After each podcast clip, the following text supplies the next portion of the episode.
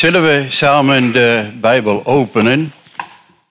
En ik wil met jullie gaan naar uh, 1 Samuel, hoofdstuk 16. En dan lezen wij daarvan de eerste vier versen. En ik heb vandaag gevraagd dat we gaan lezen uit de NBG. Want er staan wat sleutelwoorden in die uh, niet in iedere vertaling te vinden zijn. Wel in de grondtekst, dat heb ik voor u nagetrokken. Oké, 1 Samuel 16 vanaf vers 1 tot en met vers 4.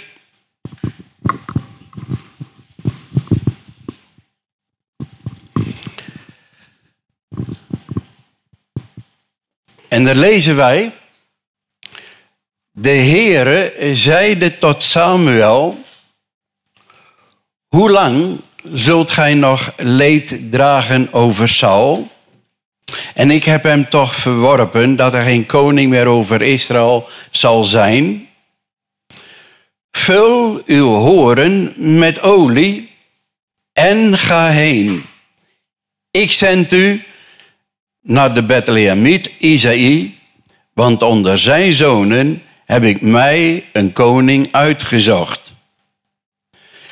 Maar Samuel zeide, hoe zou ik kunnen gaan? Als Saul het hoort, zal hij mij doden.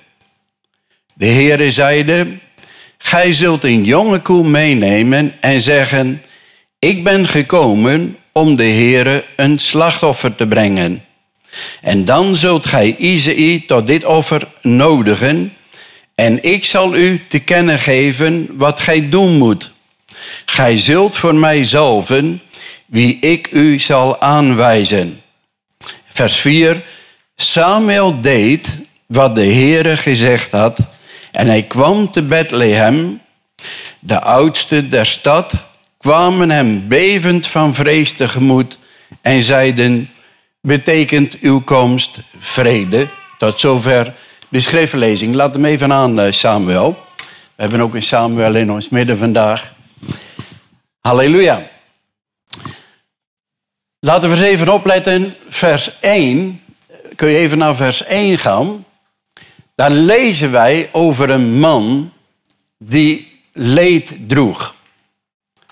De andere vertaling zegt die treurende was. Die Statenvertaling zegt daar die rouwde. En God zegt tegen hem, hoe lang zul je nog leed dragen? Hier hebben we te maken met een man die rouwde, met een man die leed droeg, die treurde. Ik zeg er meteen bij, als ik het woordje rouw noem, het ging er niet om het rouwen van een geliefde. Natuurlijk, daar is ruimte voor. Maar hier was het vanwege de situatie waarin hij zich bevond. En als we dan naar vers 4 gaan, wat er in vier versen kan veranderen als God spreekt. In vers 4 lezen wij, kunnen we daar even naartoe springen, vers 4. Dan lezen wij, Samuel deed dat is wel een sleutel. Je moet wel handelen naar Gods woord. De Bijbel zegt hier, Samuel deed wat de Heere gezegd had. En hij kwam te Bethlehem en de oudsten der stad kwamen hem bevend van vrees tegemoet. Zeiden, en ze zeiden, betekent uw komst vrede.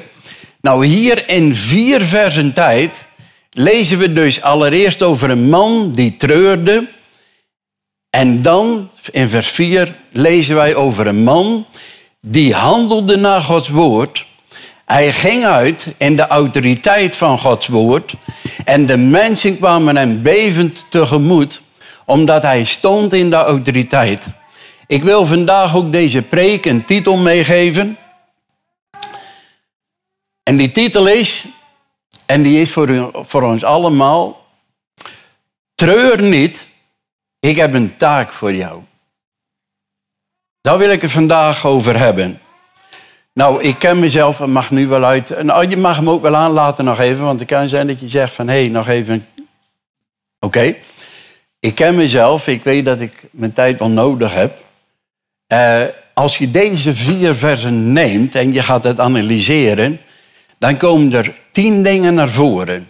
En die tien dingen wil ik noemen. Dat, er is geen tijd voor om het allemaal door te spitten, maar ik wil het in ieder geval genoemd hebben. wat we hier lezen, allereerst zien we hier dat God komt met een vraag en met een opdracht. En die vraag was eigenlijk tweeledig. Tien punten kom je dus hier tegen.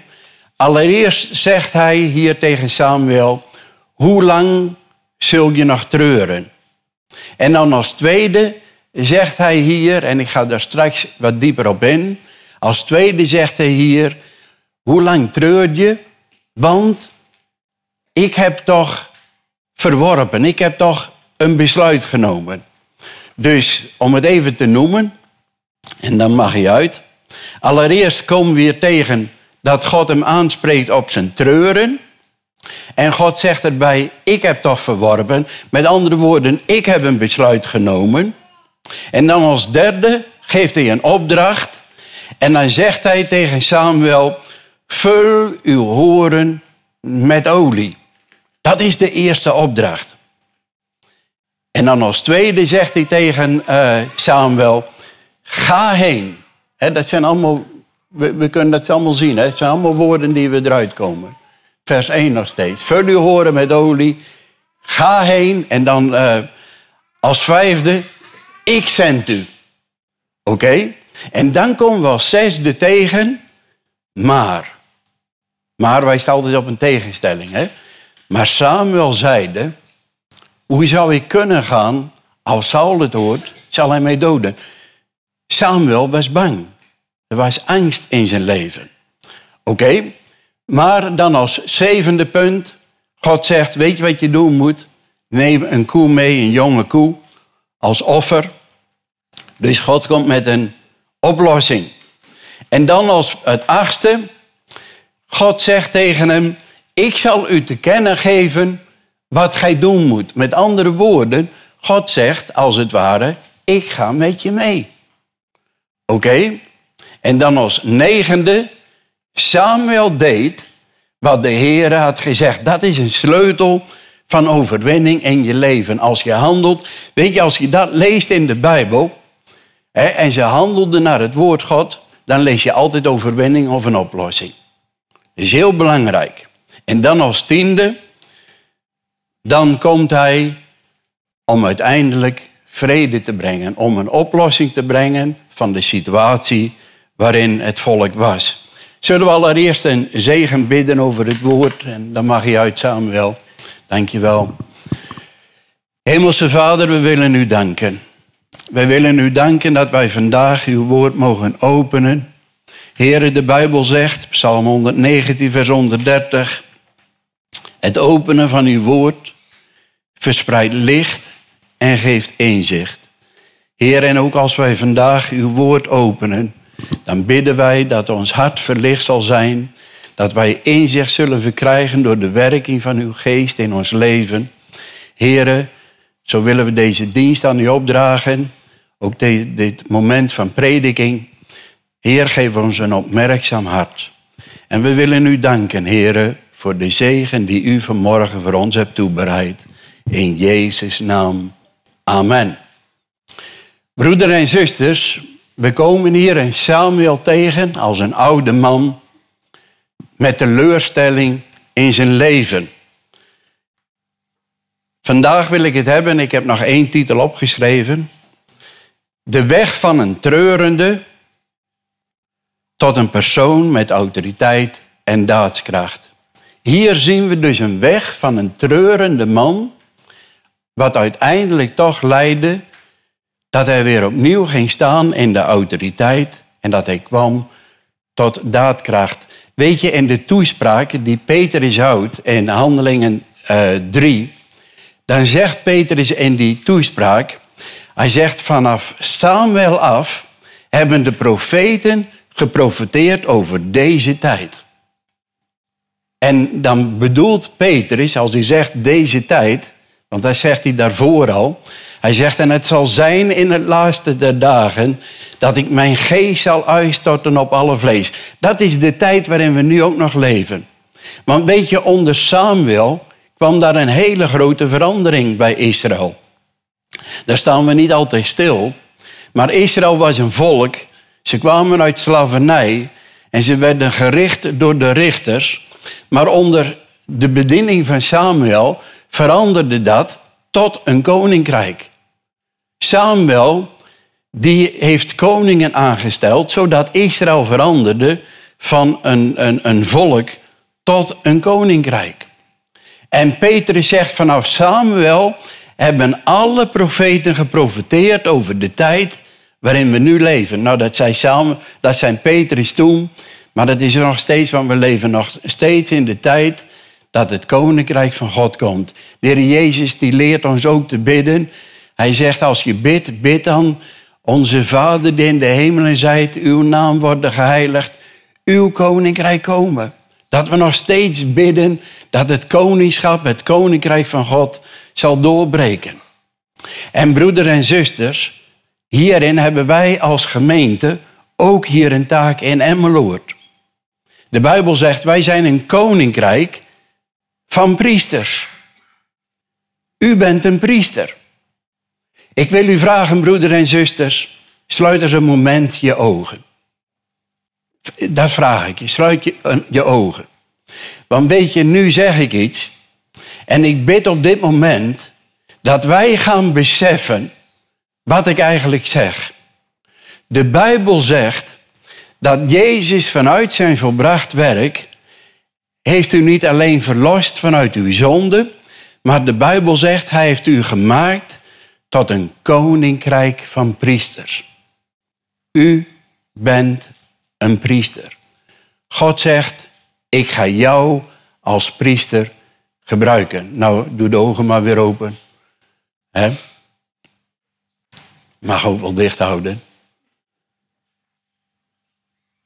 Wij zijn priesters. Een koninkrijk van priesters. En broeders en zusters, dat kan ook in ons leven gebeuren wat er gebeurd is bij Saul, bij Samuel. Samuel had een geweldige teleurstelling in zijn leven. Weet je, Samuel had zulke grote verwachting, maar er was zo weinig tot toen, dit moment en toe, er was zo weinig van uitgekomen. Samuel zijn hele leven, al voor zijn geboorte, en laat mij vandaag verder gaan, nog voordat hij verwekt was, was Samuel zijn leven al toegewijd aan de dienst van God. Wij kennen het verhaal dat Hanna, zijn moeder, zij kon geen kinderen krijgen. En ze was met een verdriet was ze naar de Heer gegaan. En ze doet de Heer een belofte. En ze zegt, Heer, als u mij een kind geeft, als u mij een zoon geeft, dan zal ik hem afstaan aan uw dienst. En we weten, daarna was ze zwanger en Samuel wordt geboren. Samuel, dat betekent ook van de Heere gebeden.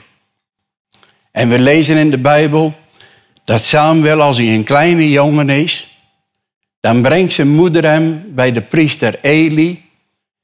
En ze zegt tegen Eli, ik zeg het even met mijn eigen woorden. Dan zegt ze, herinner je nog jaren geleden die vrouw die hier was en gebeden had? En dan wijst ze naar Samuel en zegt, hier heb ik om gebeden. Zegt zij, nu breng ik hem hier, opdat hij mag opgroeien in de dienst van de Heer. En weet je, dan zegt de Bijbel, en Samuel knielde neer. Samuel knielde neer op dat moment. Zijn moeder had hem helemaal voorbereid. Ik, ik denk ook wel eens, wat zou dat geweest zijn, ook voor een jongetje. Je wordt dan naar die tempel gebracht. dat was toen nog de tabernakel trouwens, die in Silo stond. Toch weg van je moeder. Maar de Bijbel zegt, hij had zich daarbij neergelegd. Hij was voorbereid door zijn moeder. En de Bijbel zegt verder, en zijn moeder kwam ieder jaar en dan kwam ze met een nieuw manteltje, een linnen mantel, een klein priestergewaad. En dat kreeg hij dan. En uh, zij werd er ook door beloond. Ze kreeg meerdere kinderen. Maar Samuel die groeide op. En hij wist al dat zijn leven was gewijd aan de Heer. Maar weet je, Samuel die, die viel onder het mentorschap van Eli. En Eli had ook twee zonen, Hofni en Pinias. En dat waren priesters. En de Bijbel zegt, zij namen het priesterschap niet serieus. En zij namen het offer des Heren niet serieus. En de Bijbel zegt, vanwege de zonde van deze jonge mannen, De, uh, dan lezen wij. Uh, daar komt er was een broeder en zijn vrouw zit in ons midden. Die zei tegen mij: Jij zegt wel heel vaak de Bijbel zegt. Even tussendoor. Dus nu zeg ik ook, en we hebben net gelezen, oké. Maar de Bijbel zegt het. Oké, wat ik vertel. Lees het maar na. Maar de Bijbel zegt, daar zeg ik het wel heel bewust, dat vanwege de zonde van deze jonge mannen ging het volk het offer des Heren gering achten. En broeder en zuster, dat doet mij ook een beetje denken aan deze tijd. Als wij als kerk van Jezus Christus, als gemeente Gods, als kinderen Gods, als wij niet serieus met de, met de dienst des Heren omgaan, dan zal de wereld, die zal er een spot mee drijven. Ze gingen het offer des Heren gering achter, zegt de Bijbel. En in die tijd, dat lezen wij dan ook, in die tijd was het woord des Heren schaars en visioenen waren er niet vele, zegt de Bijbel. Er was een geestelijke droogte, er was een geestelijke honger. En de Bijbel zegt, en Eli die tolereerde dat. En Samuel was een jonge man. En God begon tot hem te spreken.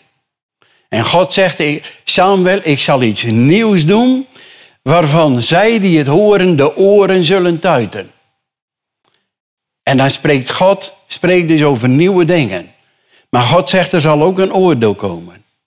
En we weten wat er gebeurde jaren daarna, want wij lezen dat vaak in één hoofdstuk en dan denk je van een op de andere dag.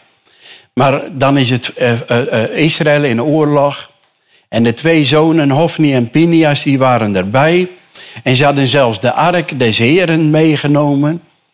En, de Bijbel zegt, en ze hadden een nederlaag.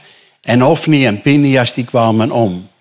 En als het bericht bij Eli komt, we kennen het verhaal. Toen hij het hoorde, hij viel van zijn stoel en hij brak zijn nek. Op één dag was Eli en zijn twee zonen, dat priesterschap, dat was voorbij. Maar weet je, in die tussentijd was Samuel opgegroeid tot een jonge man. En de Bijbel zegt, dat kunnen we lezen in de laatste verse van hoofdstuk 3 van, van Samuel.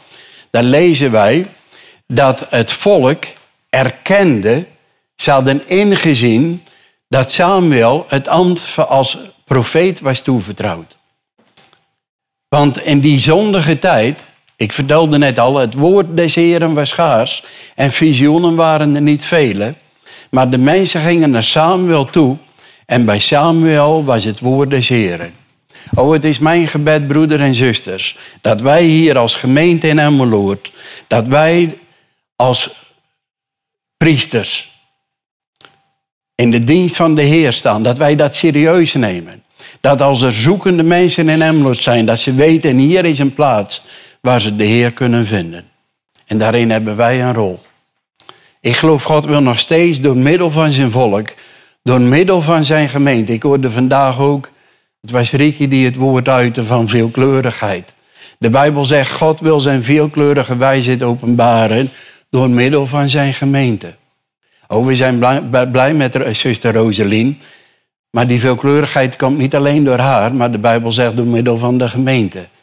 En Roselien die gaat ons daarbij helpen. Die gaat ons daarin dienen. Toch? Maar die taak hebben wij allemaal. Samuel had gezien dat zijn mentor en de priesters, dat was afgelopen. En weet je, als Samuel dan ouder wordt, dan heeft hij zelf twee zonen. En die stelt hij aan als richters van het volk. Richters, dat wil eigenlijk zeggen rechters. Maar de Bijbel zegt, zij waren corrupte jonge mannen. Zij namen geschenken aan en ze bogen het recht om, zegt de Bijbel. Ze waren corrupt. En dan het volk begint te roepen en te klagen. En dan wordt Saul aangesteld. En bij Saul was het ook. Hij, hij begon goed. Hij werd ook gezalfd. Hij heeft ook geprofiteerd. Hij begon goed. Maar toch er was ongehoorzaamheid in zijn hart. We hebben vandaag al gezien, in vers 4 hebben we dat gelezen, dat als je handelt naar Gods woord, is er overwinning. Maar het tegenovergestelde is ook waar. Als je ongehoorzaam bent aan het woord, is er nederlaag. En weet je, dat gebeurde allemaal in die tijd van Samuel. En als dan Samuel die ziet dus dat terwijl hij zijn hele leven de Heer trouw had gediend, maar hij zag dat het volk des Heren, het hele volk, Israël, dat het een neerwaartse spiraal was. Het ging neer bij zo'n gehoorzaamheid. En Samuel die had Saul gewaarschuwd. Hij zegt ook tegen Saul, Saul denk erom, ongehoorzaamheid, weerspannigheid aan het woord des Heren, dat is de zonde van toverij. Dus eigenlijk was Saul occult bezig. En daar kwam ook zo ver in het leven van Saul dat de Bijbel zegt, en de geest Gods week van Saul en een boze geest kwam daarvoor in de plaats. Hij was niet langer onder de zalving van de Heilige Geest, maar de Bijbel zegt hij werd bezet met een boze geest. En we weten, hij had last van depressies en dan werd hij agressief en we kennen die verhalen allemaal. En de Bijbel komt bij, uh, uh, we lezen in de Bijbel, en God komt bij Samuel. En hij zegt tegen Samuel, Samuel, hoe lang zul je nog leed dragen? Hoe lang zul je nog lijden? En ik geloof vandaag ook dat de Heer ook als het ware ons prikkelt met dit woord. Hoe lang houden wij soms vast aan het negatieve? Aan de dingen die gebeurd zijn in ons leven. Je kwam misschien van school af en je had bepaalde dromen, je had bepaalde idealen en het is allemaal anders gelopen. Oh, ik blijf maar bij mezelf. Ik had bepaalde dromen, bepaalde idealen, maar God ging een heel andere weg met mij. En in het begin begreep ik dat niet. En in het begin had ik daar strijd mee. Totdat op een gegeven moment dat ik ging inzien, God leidt mij. Begrijp je? Maar je moet tot dat besef komen. En, en, en, en God zegt tegen Samuel, Samuel, hoe lang zul je nog treuren? Hoe lang zul je nog lijden? Hoe lang zul je nog rouwen? En hij zegt hier achteraan, terwijl ik toch dat afgesloten heb. Ik heb die tijd van koning Saul, heb ik al afgesloten. En toen ik dit van de week las en overdacht, kwam er iedere keer een Engelse term bij mij op. En die term dat was, je moet, uh, kom op dezelfde page als de Heer. Kom op dezelfde bladzijde van de Heer. Het was net als uh, Samuel, die was met een hoofdstuk bezig. Dat had hij nog niet afgesloten, terwijl God al met een nieuw hoofdstuk bezig was. En hij zegt hier tegen, tegen Samuel, Samuel, je moet dat afsluiten. Broeder en zusters, misschien zijn er ook teleurstellingen in uw leven. Maar op een gegeven moment zegt de Heer, sluit het oude leven af. Ga met mij die nieuwe weg. De Bijbel zegt, zo is wie in Christus is, een nieuwe schepping. Het oude is voorbij. Zie, het nieuwe is gekomen. En weet je, als de Bijbel zegt zie, dan bedoelt de Bijbel daarbij te zeggen, daar moet je naar kijken. Daar moet je op letten. Dat moet je voor ogen stellen. Dat het oude is voorbij, het nieuwe is gekomen. En dan zegt God tegen eh, Samuel, hij zegt, weet je wat je doen moet? Vul uw horen met olie. De eerste opdracht die hij kreeg. En ik geloof, broeder en zuster, dat is ook voor u en voor mij. Jezus zei dat ook tegen zijn discipelen. Hij zei tegen de discipelen, later werden dat de apostelen. Hij zei tegen hen, jullie zullen mijn getuigen zijn. We weten dat, beginnend in Jeruzalem, Judea, Samaria tot het einde der aarde. Maar Jezus zegt tegen zijn discipelen, maar voordat jullie uitgaan, blijf in Jeruzalem en wacht op de Heilige Geest. Ga niet uit zonder de Heilige Geest. Ook de familie Bronkhorst heette ze, geloof ik, hè? Brokken, brokken? Brokkenma? Bronkema, sorry, sorry, Bronkema. Bron ja, nou, nou. Hij brengt verwarring. Oké. De Bijbel zegt, voordat je uitgaat, zorg dat je, dat je olie bij hebt. Als jullie uitgaan, waar zijn ze? Ik zie die zuster daar, die man die zegt, neem olie mee. Neem olie mee. Maar dat geldt niet alleen voor hen, ook voor u en voor mij. Vul uw horen met olie. Zorg dat je olie bij hebt. En misschien is nu de vraag, ja maar broeder, hoe kan, hoe kan ik olie? Hoe, hoe kan dat? Ja, dat was ook die vraag die ze op de eerste Pinksterdag stelden. Hoe, hoe, kunnen wij hier deel aan krijgen? En u weet het antwoord van Petrus. Hè? Petrus zegt, bekeert u en laat u dopen en gij zult de Heilige Geest ontvangen. En weet je dan, Paulus die gaat verder en Paulus zegt, de Heilige Geest is net als vuur. Je kunt het doven en je kunt het aanwakkeren. En de Bijbel zegt, doof de geest Gods niet uit. Maar op een andere plaats staat, wakker aan. Aanwakkeren. Hoe kun je de Heilige Geest aanwakkeren in je leven? Dat vind ik altijd zo mooi, omdat... En dat, 1 Korinthe 12. Weet je wat we lezen in 1 Korinthe 12, vers 1 en 2? Daar lezen wij, daar zegt uh, Paulus... Hij zegt, niemand kan zeggen, Jezus is Heer, dan door de Heilige Geest. Met andere woorden, als u de Heilige Geest wilt triggeren in je leven, ga dan Jezus als Heer beleiden. Toch? Want de Bijbel zegt, niemand kan zeggen, Jezus is Heer, buiten de Heilige Geest om. Maar in datzelfde gedeelte staat ook, en niemand kan zeggen, vervloekt zij Jezus. Nou, dat zullen we ook niet gauw zeggen, hè, toch? Kom nou. Ik zou het een beetje afzwakken. Je gaat negatief praten over Jezus. Of je handelt negatief, waarin Jezus niet verheerlijkt wordt. Dat kan nooit van de Heilige Geest zijn. Dus met andere woorden, als wij negatief bezig zijn, is dat niet van de Heilige Geest. Maar als we Jezus beleiden, als we Jezus groot maken. Daarom beginnen wij in samenkomst ook altijd met een heerlijke zangdienst. Want dat doen we niet zomaar om even in de sfeer te komen. Nee, want de Bijbel zegt, hij die lofoffert eert mij. Eren, dat wil zeggen dienen. Wij zijn priesters, wij dienen God. Als we het heiligdom inkomen, dan willen we allereerst een lofoffer brengen. De vrucht van onze lippen, die zijn naam beleiden. Toch? En de Bijbel zegt, en als we dat doen, daarmee banen wij een weg dat God zijn helen de kracht kan openbaren. Amen. Dan gaat God werken in ons midden. Want we geven de Heilige Geest de ruimte. Vul uw horen met olie. En dan als tweede zegt hij, en ga heen. Ga heen. Je moet in actie komen. En dan zegt hij erachteraan, ik zend u. En weet je, als God je zendt, dan gaat hij ook met je mee. Jezus die zei tegen zijn discipelen, hij zegt, zoals de Vader mij gezonden heeft, zo zend ik ook u. Ik geloof, we zijn allemaal gezonden. Niet alleen de familie, maar we zijn allemaal gezonden.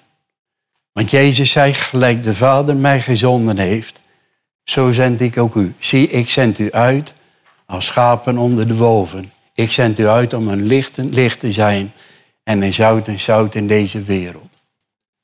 En weet je dan, eh, als God dat gezegd heeft, dan Samuel die reageert erop, die zegt, ja maar heer, als Saul het hoort, dan zal hij mij doden.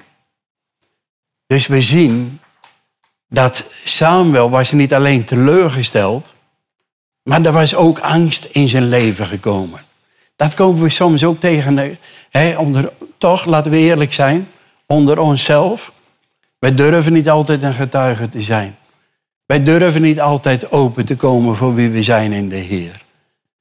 Maar weet je, laten wij als kerk van Jezus Christus, laten wij ons niet de mond laten snoeren. Toch? Zo belangrijk. Weet je, ik, ik vroeg net broeder Peter ons midden. En ik vroeg hem vanmorgen, dat was een vraag, ik zei het hem ook. Zei, daar loop ik al een hele tijd mee. Zeg, maar ken jij Bijbelschool Tawamangu? Nou, hij kende dat. Ik neem aan dat hij er ook les heb gegeven. Hè? Maar uh, mijn vrouw en ik, wij, uh, wij gingen daar naartoe en we hebben daar een half jaar mogen meedienen en les te geven. En toen het allemaal in de planning was, ik ga er even heel snel doorheen, want het is een heel mooi verhaal, maar ik wil het toch jullie een beetje vanwege de tijd besparen. Maar ik zag het helemaal zitten. Wij gingen naar Indonesië en daar zouden we fijn meewerken aan die Bijbelschool. Maar toen wij in een vliegtuig waren op weg naar Indonesië, en ik zag een roze wolk, ik zag het alleen maar geweldig in. Maar toen zaten we in het vliegtuig, we konden niet terug. En we hadden gegeten en de lichten werden gedimd en we hadden een beetje geslapen en toen werd ik wakker. En ik denk dat we zo'n beetje halverwege waren, dus een beetje boven Indië vlogen, op weg naar Indonesië. En ik schoot wakker. En ik dacht bij mezelf, waar ben ik aan begonnen? Waar ben ik aan begonnen? Ik dacht bij mezelf, ze verwachten daar dat er een broeder uit Nederland komt op de Bijbelschool die in het Engels les gaat geven. En dan kom ik. Van zo'n vrees in mij. En ik dacht bij mezelf, ik wou dat de vliegtuig omging vanwege een of andere storing. En dan stap ik uit en ik ga. Ik zag het niet meer zitten op dat moment. En weet je, het was donker en het raampje, ik zat bij een raam en dat raampje, dat schuifdingetje was naar beneden en dat schoof ik open. En toen zag ik zo die sterren, zag ik daar. En ik keek zo die sterren, het heelal in. Ik zag die sterren. En toen begon God op mijn hart te spreken.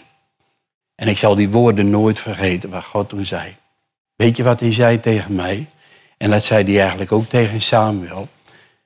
Hij zei tegen mij, vrees niet, want ik ben met u. Wauw. En ik wist, dat was een bijbeltekst. Ik had gelukkig een concordantie. We hadden toen nog geen computers. Ik had wel een homecomputer bij me. Maar goed, dat was niet dat ik direct een bijbel en noem alles maar op. Maar ik had een concordantie bij me. En toen dacht ik, waar staat precies in de Bijbel... Vrees niet, want ik ben met u. En ik pakte de concordantie en ik sloeg hem open en ik ging zoeken. Vrees niet, ik ben met u. En weet je, toen deed ik een ontdekking. Weet je wat ik ontdekte?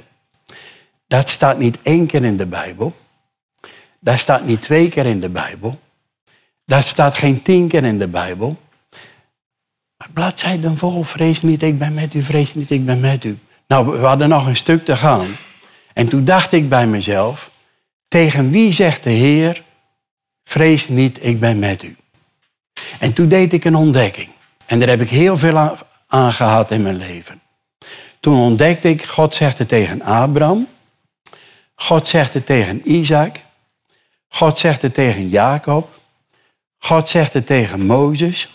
God zegt het tegen Jozua. God zegt het tegen de richteren. God zegt het tegen de profeten.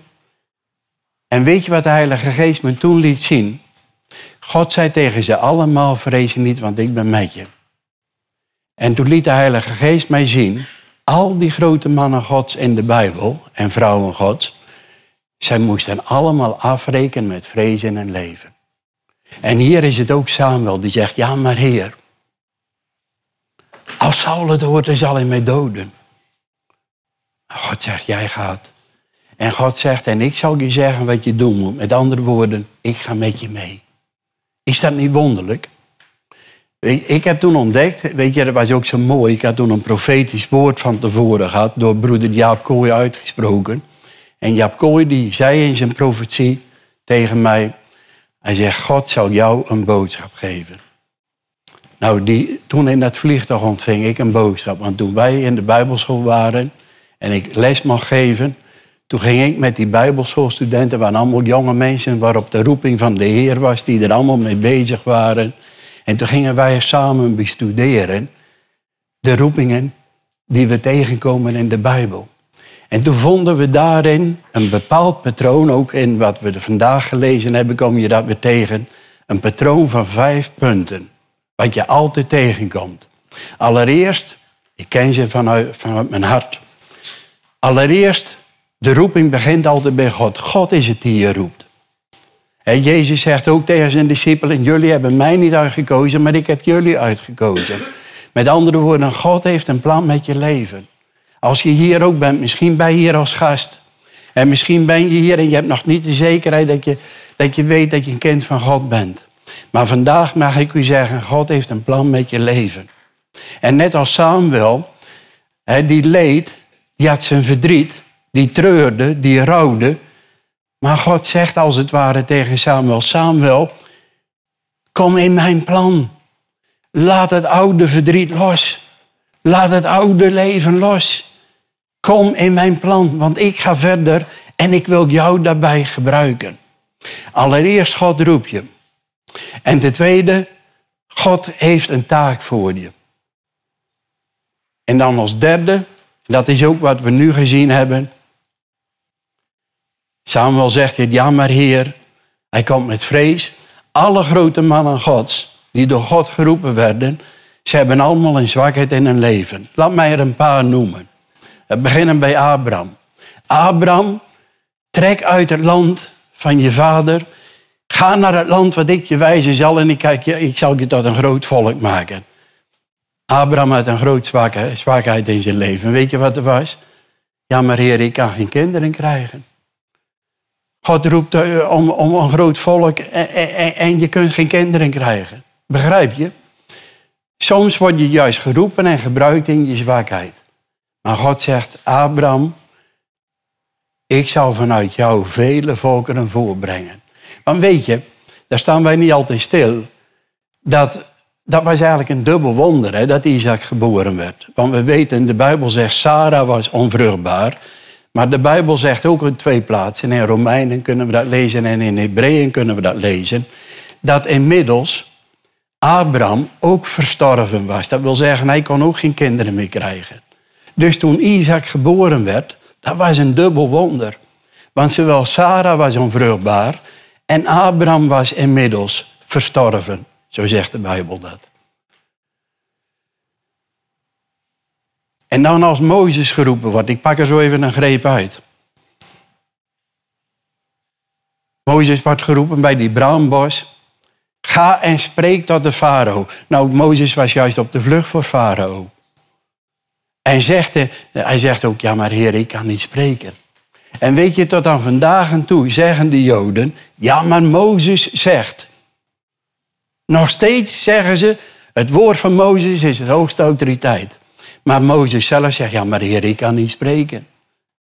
Maar God zegt, maar ik zal jou tot een mond maken. Dat zei God tegen hem.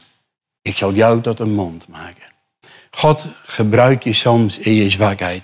Dus die vijf dingen wat ik net noemde. God is het die je roept. God is het die een taak voor je heeft. En dan komt vaak daarin onze zwakheid naar voren. En dan als vierde, dat God dan vaak zegt, ook vaak letterlijk met deze woorden, vrees niet, want ik ga met je mee. Ik ben bij je.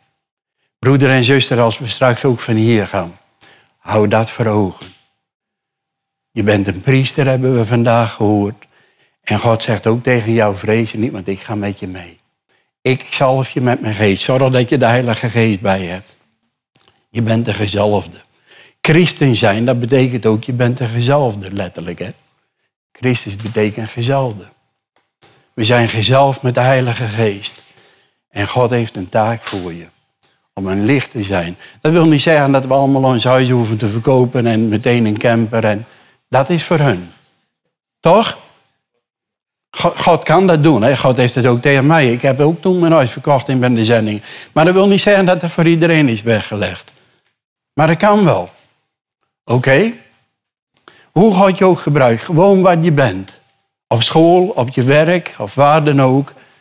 Maar weet je, die wetenschap, om dat voor ogen te houden. Ik weet wie ik ben in Christus. Ik weet wie ik ben in Christus. Vandaag had ik een filmpje op Facebook gezet, dat vond ik zo leuk. Daar kwam ik vanmorgen tegen. Dat was een man en die loopt met drie leeuwen om zich heen. Drie van die geweldige mannelijke leeuwen. Van die mannen, hoe noemen ze mannenleeuwen?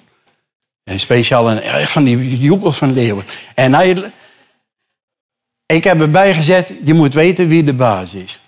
Want hij loopt zo tussen die leeuwen heen van ik ben hier de baas. En die leeuwen die volgen hem als lammetjes. Dat vond ik zo leuk. Maar waarom? Hij wist wie hij was. Begrijp je? Als wij beseffen wie we zijn in Christus, broeders en zusters. Want weet je, ik ben vroeger opgegroeid in een kerk. En dan zeiden ze, je bent niks. En je wordt niks. En het is genade als je wel wat. Maar je werd alleen maar naar beneden geduwd. En het is goed om nederig te zijn. Dat is goed. Maar dat we wel beseffen, er is genade in ons leven. Paulus die zegt tegen Timotheus, mijn kind, wees krachtig in de genade. Dat je je opstelt, dat je zegt, ik weet wie ik ben in Christus. Buiten Christus ben ik misschien een falend iemand. Buiten Christus ben ik misschien een bangerik. Buiten Christus heb ik dingen waar, waaronder ik leid. Maar in Christus ben ik een nieuwe schepping. Amen. Getuig met mij. Laten we getuigen, broeder en zusters. Getuig met mij. Ik ben een nieuwe schepping. Ik ben een nieuwe schepping. En de Bijbel zegt het oude is voorbij. Laat je niet langer, ga niet langer gebukt. Leid niet langer onder dat oude. God zegt, kom met mij. Ik heb dat oude afgesloten. Je gaat iets nieuws doen. Ik ga je opnieuw gebruiken. En weet je, Samuel werd heen gezonden. Daar staat er ook boven. De zalving van David. Want hij had nog een geweldige taak te doen. Hij mocht David, koning David, dat was het hoogtepunt van de geschiedenis van het volk van Israël. Hij mocht eh, David zalven tot koning. Wat een geweldige eer om dat te mogen doen. Want daarom had hij ook olie nodig. Want weet je, als hij, als hij, ter slot, als hij, eh, als hij David zalft, weet je wat dan de Bijbel zegt? Op die dag dat hij David zalft, de Bijbel zegt, vanaf die dag greep de geest des Heren David aan. Mooi is dat, hè? Als je gezalfd bent met de Heilige Geest. Van David staat geschreven op de dag toen hij gezalfd werd met die olie van Samuel. Op die dag greep de Heren David aan. Een geweldige zalving. En onder die zalving heeft David geweldige dingen gedaan. als je, als je, ik heb daar eens een keer een lijst gemaakt wat David eigenlijk allemaal gedaan heeft. Maar dat is ontzettend veel. Ook in de hemelse gewesten. Als David begon te spelen, dan moesten de boze geesten wijken. U kent het verhaal toch? Dat hij begon te spelen en dat de boze geesten, de geest van depressie over Saul, die moesten wijken voor de gezalfde muziek van David. David was ook een uitvinder. Hij was een muzikant. Hij was een tekstschrijver. Hij was een profeet. Allemaal geweldige dingen. Maar allemaal onder de zalving van de Heilige Geest. Ik geloof, ik wil nu afsluiten, maar dat hier een geweldige uitdaging in ligt voor u en voor mij. Dat God ook vandaag tegen ons zegt, waarom leid je nog onder dat oude? Waarom ben je nog bedroefd? Waarom rouw je misschien nog om het oude? God zegt, ik heb dat immers afgesloten. Dat moet jij ook doen. Kom weer op diezelfde bladzijde van de Heer. Kom weer in het plan van de Heer. God zegt, ik trek verder. Trek met me mee. Ik heb een nieuw plan voor je. Ik wil jou gebruiken. Jij bent een priester. Neem olie mee in je hart. En ik ga je gebruiken. Ik zal je zeggen wat je doen moet, zegt hij tegen Samuel. Maar ik geloof, dat zegt hij ook tegen ons. Halleluja. De Heer zal ons inzicht geven. Amen. Zullen we samen zo sluiten? Ogen sluiten. Vader in de hemel, we willen u danken. Heer, dat u vandaag ook met uw woord tot ons kwam. Heer, dat u nog steeds een roepende God bent. En u bent ook nog steeds een zendende God. Dat u ons zendt, Heer. Dat u ons gebruiken wilt. Dat we in uw genade voort mogen gaan. En we hebben uw geest daarbij nodig. We hebben vandaag gehoord dat u ook tegen Samuel zei... Vul uw horen met olie. Oh, dat is zo belangrijk, broeders en zusters. Dat besef te hebben dat we de Heilige Geest hebben ontvangen. En de Bijbel zegt, we hebben niet ontvangen de geest van lafhartigheid om opnieuw te vrezen, maar we hebben de geest van God ontvangen.